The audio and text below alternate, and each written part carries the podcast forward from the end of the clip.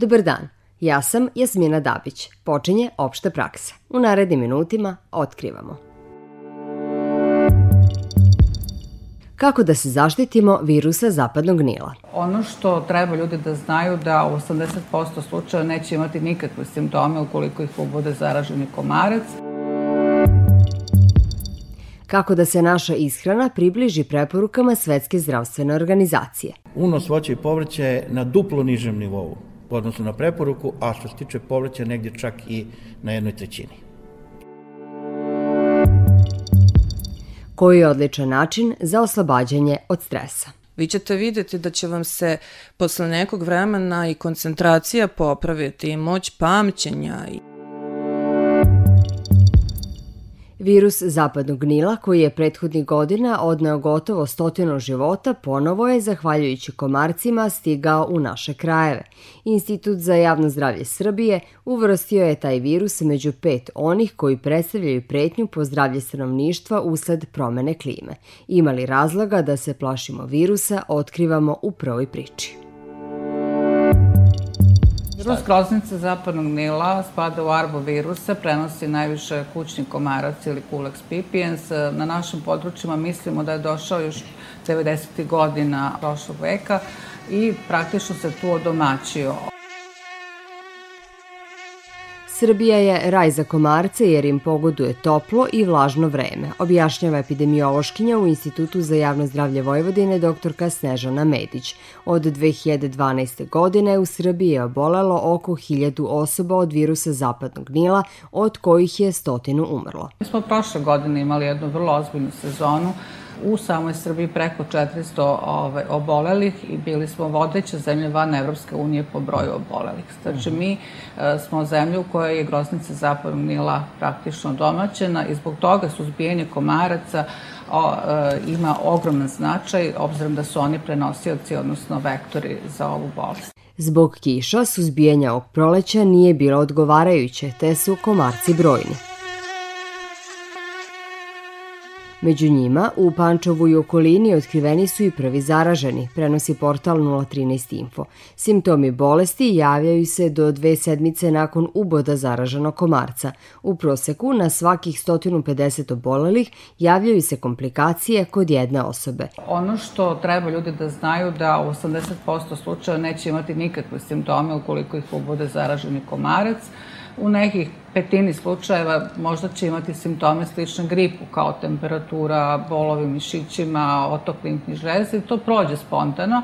U manje od 1% i to kod starijih e, ljudi i kod ljudi sa hroničnim oboljenjima i oslabljenim imunitetom može doći do upale mozga i moždanice. E, to je onda ozbiljno stanje koje zahteva vrlo često bolničko lečenje i nažalost može da se završi smrtnom nema specifične zaštite protiv groznice zapadnog nila. Najlakši način prevencije bolesti je zapravo sprečavanje uboda komarca.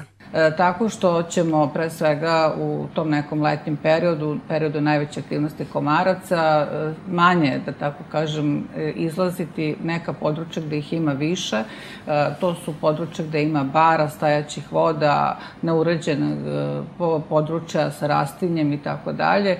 U periodu sumraka, u periodu zore, kada je najveća aktivnost komaraca. Ako i moramo da izađemo, onda da koristimo repelente, znači to su sredstva koje se nanose na kožu koje nas odbijaju praktično ovaj, insekte i time se smanjuje brojnost e, uboda, a samim tim i rizik da dođe do zaraze. Za boravak na polju preporučuje se i nošenje odeće koja pokriva ruke i noge, a kako bi se smanjio broj komaraca u kući, preporučuje se postavljanje komarnika na prozore. Ista pravila važe i na godišnjem odmoru. Pa, kad se bira destinacija, naši ljudi bi trebali, e, naravno internet je dostupan da se vidi koje su to bolesti koje su tamo uobičajene, koje predstavljaju pretnju za njihovo zdravlje.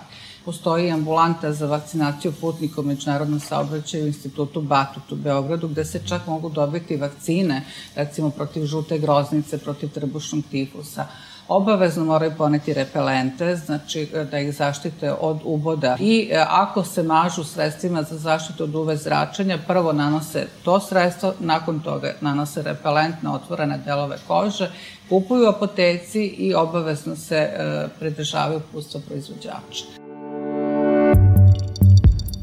Ljudi koji brinu o svom zdravlju posebnu pažnju posvećuju ishrani. Čini se da su u manjini jer je kvalitet ishrane našeg stanovništva nezadovoljavajući. Malo voća i povrća, mnogo masti i šećera. Verujući u to da nepravilna ishrana uzrokuje bolesti, Vladimir Ilić, prehrambeni tehnolog u Visokoj zdravstvenoj školi strukovnih studija u Beogradu, predlaže da menjamo navike.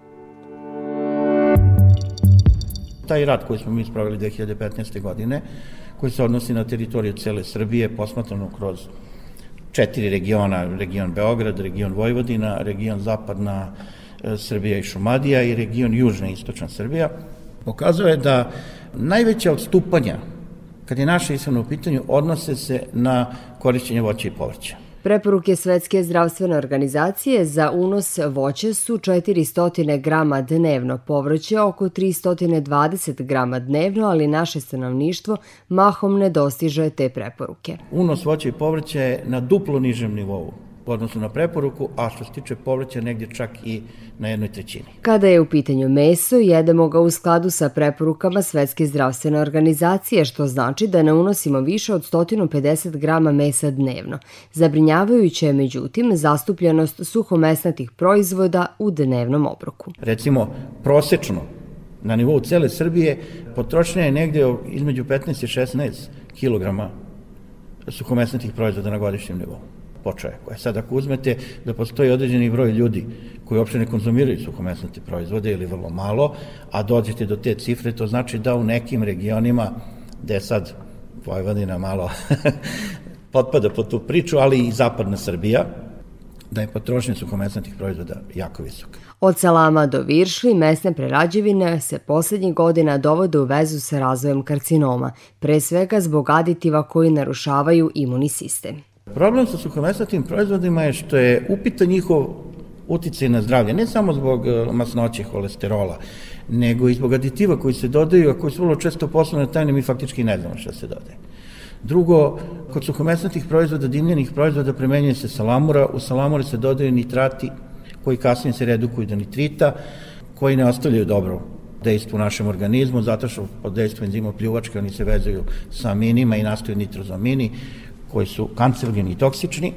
Učestalo konzumiranje pršute, šunke, slanine i kobasice nepovoljno je zbog dimljenja, čiji uticaj na zdravlje se ne istražuje dovoljno. Ako se vrši ono klasično dimljenje kao što se u domaćinstvima vrši, onda su tu sastojci dima jako zastupljeni i nastaju određene jedinjenja koje se zovu benzopireni, koja su kancerogena. Od stručnjaka za pripremu hrane saznajemo i to da je alarmantno koliko jedemo proizvode iz pekare, posebno lisnato testo. Na primer, ako pojedemo 200 grama lisnatog peciva, možemo uneti oko 900 kalorija samo kroz tu namirnicu, što je nešto manje od polovine ukupne količine kalorija dnevno preporučene. Preterujemo u onoj najgoroj grupi masti, šećeri i šećerni koncentrati. E, tu smo četiri puta iznad preporuka. Znači, kod nas je unos četiri puta veći u odnosu na preporuke Svetske zdravstvene organizacije. Kod nas je unos negde oko 20% učešće u hrani, a trebalo bi da bude do 5%. Šećer bi trebalo da nam bude glavna briga, jer je povezan sa nizam bolesti. Keksivi grickali crni su jako problematični, ali oni imaju jako veliki izvor iskrivenih masnoća i iskrivenih ugljenih hidrata. Tako da, u pitanju su, kažem, brzo resorbujući koji naglo dižu nivo šećera u krvi, tako da oni izazivaju velike probleme. Prevelika upotreba šećera karakteristična je za Vojvodinu gde ga domaćice mahom dodaju u pripremu slanih jela. Zamislite ukus domaćeg sosa od paradajze u kojem nema šećera. Dodaje se čak i u supu makar mrva. Nama je zbog lošeg ekonomskog statusa od uvijek bilo potrebno da hrana bude jeftina i da bude energetski jaka. E, drugo, slano i slatko, to su dva najdominantnija ukusa. I oni zadovoljavaju našu potrebu za ukusom, znači za tom nekom organoleptičkom senzacijom, a daju energiju onu brzu, kratkotrajnu. Tako, ali to je isto kao i za so, to je navika. Dobar izbor obroka mogli bismo da napravimo tako što ćemo da smanjimo upotrebu soli i šećera, a da uvrstimo zdravije kombinacije. Profesor Ilić predlaže piletinu sa ananasom. U klasičnoj pripremi mesa gde se meso dinsta ili skuva na pari, malo propaži, kratkotrajno sotira, dodaje se u neki preliv koji se napravi na bazi paradajza ili tako, sa ovim začinima, doda se iseckan ananas koji se kratko termički stretira u tom soku i onda dobijete jedno fino jelo. Osim što je ukusno, ovakav spoj namirnica je preporučljiv iz više razloga. Ananas prvo daje jednu notu ukusa koja ne dominira, a vrlo je prijatna. S druge strane, u njemu se nalaze e, enzimi, bromelain ili bromelin, kako ga već ko zove, koji vrši razgradnju ovih dugačkih miofibrila, to je mišićnih vlakana u mesu. I time se olakšava svardljivost mesa. Samim tim iskoristivost amino kiselina, znači s jedne strane imamo tu korist, a s druge strane jako lepa senzorna kombinacija. Povećanje unosa voća i povrća, a smanjenje ukupnog unosa masti u dnevnom obroku uticalo bi na smanjenje stopa bolesti koje su posledica nepravilne ishrane.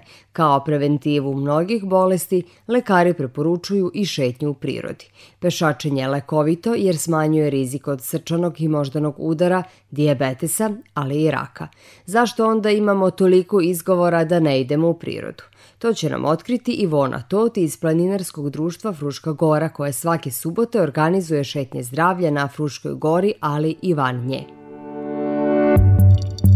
Vi ćete videti da će vam se posle nekog vremena i koncentracija popraviti i moć pamćenja i da ćete jednostavno vašu telesnu težinu dovesti u neku normalu, a što se tiče krvnog pritiska on se smanjuje kapacitet pluća se povećava.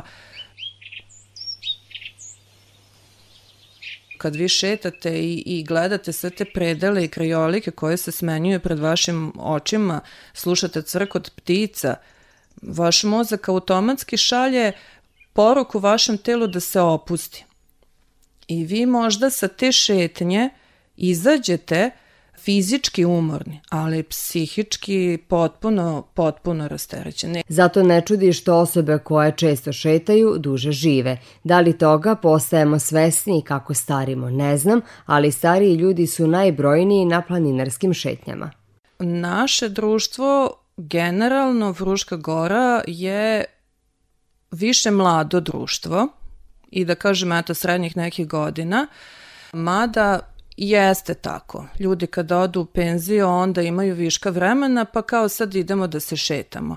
Međutim, ovaj, ova druga populacija, ovaj, ma, nešto mlađe, oni imaju izgovor pa ne znam, eto mi jedva čekamo taj vikend da smo slobodni pa da malo odmorimo, ali Ukoliko imate slobodan dan, bolje je da ga provedete u prirodi, na, na čistom vazduhu. Izgovor nemam vremena jedan je od najčešćih za neodlazak u prirodu. Sledi izgovor nisam u formi. Svi smo mi tu kada neko dođe prvi put da mu pomognemo ukoliko treba da skratimo tu stazu, da se odvojimo od e, grupe, da idemo sporije sa tom osobom, samo da bi mu pomogli da on to prevaziđe. Znači, nema ubijanja volje. Šetnje zdravlja po Fruškoj gori organizuju se svake subote, traju 6 do 7 sati, a prepešači se od 15 do 20 km.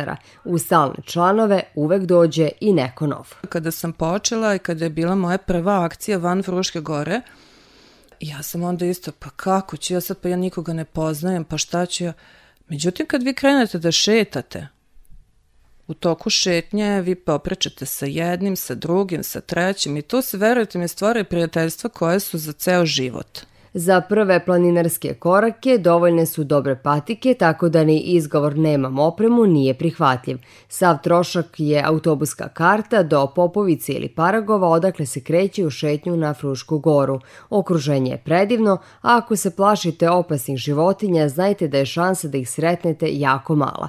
Jedine životinje koje će vam praviti društvo su ptice.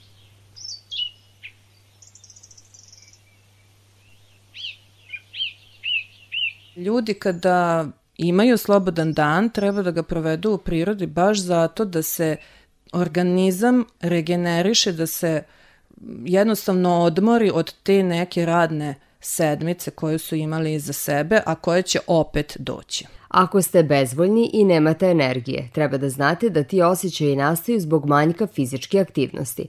Zato se preispitajte. Možda bi šetnja na čistom vazduhu mogla da vam prija. Nove zdrave teme čekaju vas i sledećeg četvrtka, zato dođite u opštu praksu u 12.15 na Radio Novom Sadu i uživo i odloženo na sajtu rtv.rs. Do narednog slušanja pozdravlja vas Jasmina Dabić.